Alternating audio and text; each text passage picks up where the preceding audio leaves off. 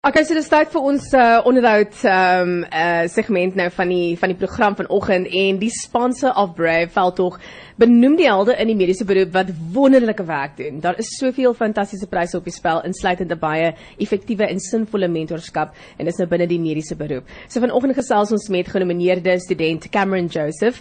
Hy's 'n mediese student van die Universiteit van Kaapstad. Môre Cameron, welkom by die ontbytprogram. Uh, goeiemôre aan die ontbyt ontspan en die luisteraars van Tygerberg Radio. So Cameron, firstly can you tell us how does it feel to be nominated? I'm sure you must be just like on cloud 9 at the moment. Yes, it's it's an immense privilege. Uh, I'm very grateful for the for the nomination and I think that it's a wonderful opportunity to be involved with the team at the Next Generation of Brave, but also to raise money and raise awareness for such a worthwhile cause. Oh, absolutely. Uh, I just wanted to know, uh, Cameron, what inspired you to become involved in the, you know, the medical profession? Uh, was it always a, a passion of yours? Uh, yes. Uh, so my mom is a nurse, and my dad was a pharmacist who later became a hospital manager. Oh. So from a very young age, um, I was exposed to the medical world, and I was fascinated with it from a, from from when I was little. So I knew from a very young age, probably before I even knew what a doctor properly was, that I wanted to be one and I wanted to help sick children get better. And so when I eventually came to medical school, it felt a lot like I was coming back home and it felt like I had found the place where I belong.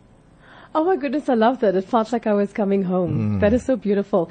So, Cameron, besides being amazing in what you are studying for, because clearly, I mean, you got nominated and all of that, um, what other aspirations do you have? So I would like to specialize as a pediatrician. And the reason why I want to focus on pediatrics in our country especially is that I feel we need, it is, our- it is our um, imperative as the next generation of health professionals to create a world that gives our children the best chance at life. And they can't have that if they are sick. And the particularly rewarding thing about pediatrics is that if you make a difference in just one child's life, mm. you're going to have an effect for the next 60, 70, 80 years, even if it's just the world of that one child. And there's no greater pleasure than seeing a child healthy again, laughing, playing, and just enjoying life and being a child. I think not just in the child's life, but also the parents as well. Um, if there's anything, I mean, myself and Anton, we're both parents. And for us, if I found like, you know, that GP or that pediatrician or that person, Yeah. uh, we don't really change very quickly. And also Um, parents, parents talk to each other. yeah. you gotta go to that guy. He knows just how to do it. He just knows how to bring that syringe closer Yeah. and make the child not feel scared. You'll- Yeah, no, definitely. And, and, and, and that's very important in pediatrics because our care actually starts from the moment that the parents find out that, they are pregnant. You know, our, our care Yeah. starts from that point onwards right through the child's life. So it's a partnership and we're just there to facilitate the healing process if there are any sicknesses.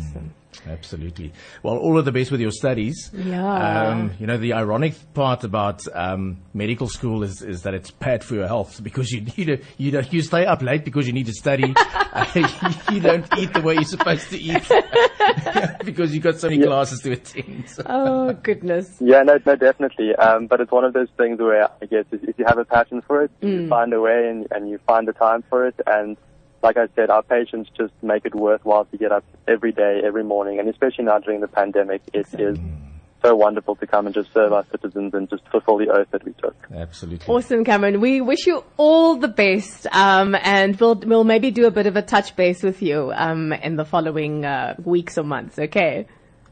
Okay, yeah, thank you very much. And if people want to um, support Red Cross Yes. Children's Hospital, they can just go to the Next Generation of Brave website and go and look on my profile. Amazing, amazing. Thank you very much. Enjoy your day. Cool, thank you very much. Thank you. Bye. Bye.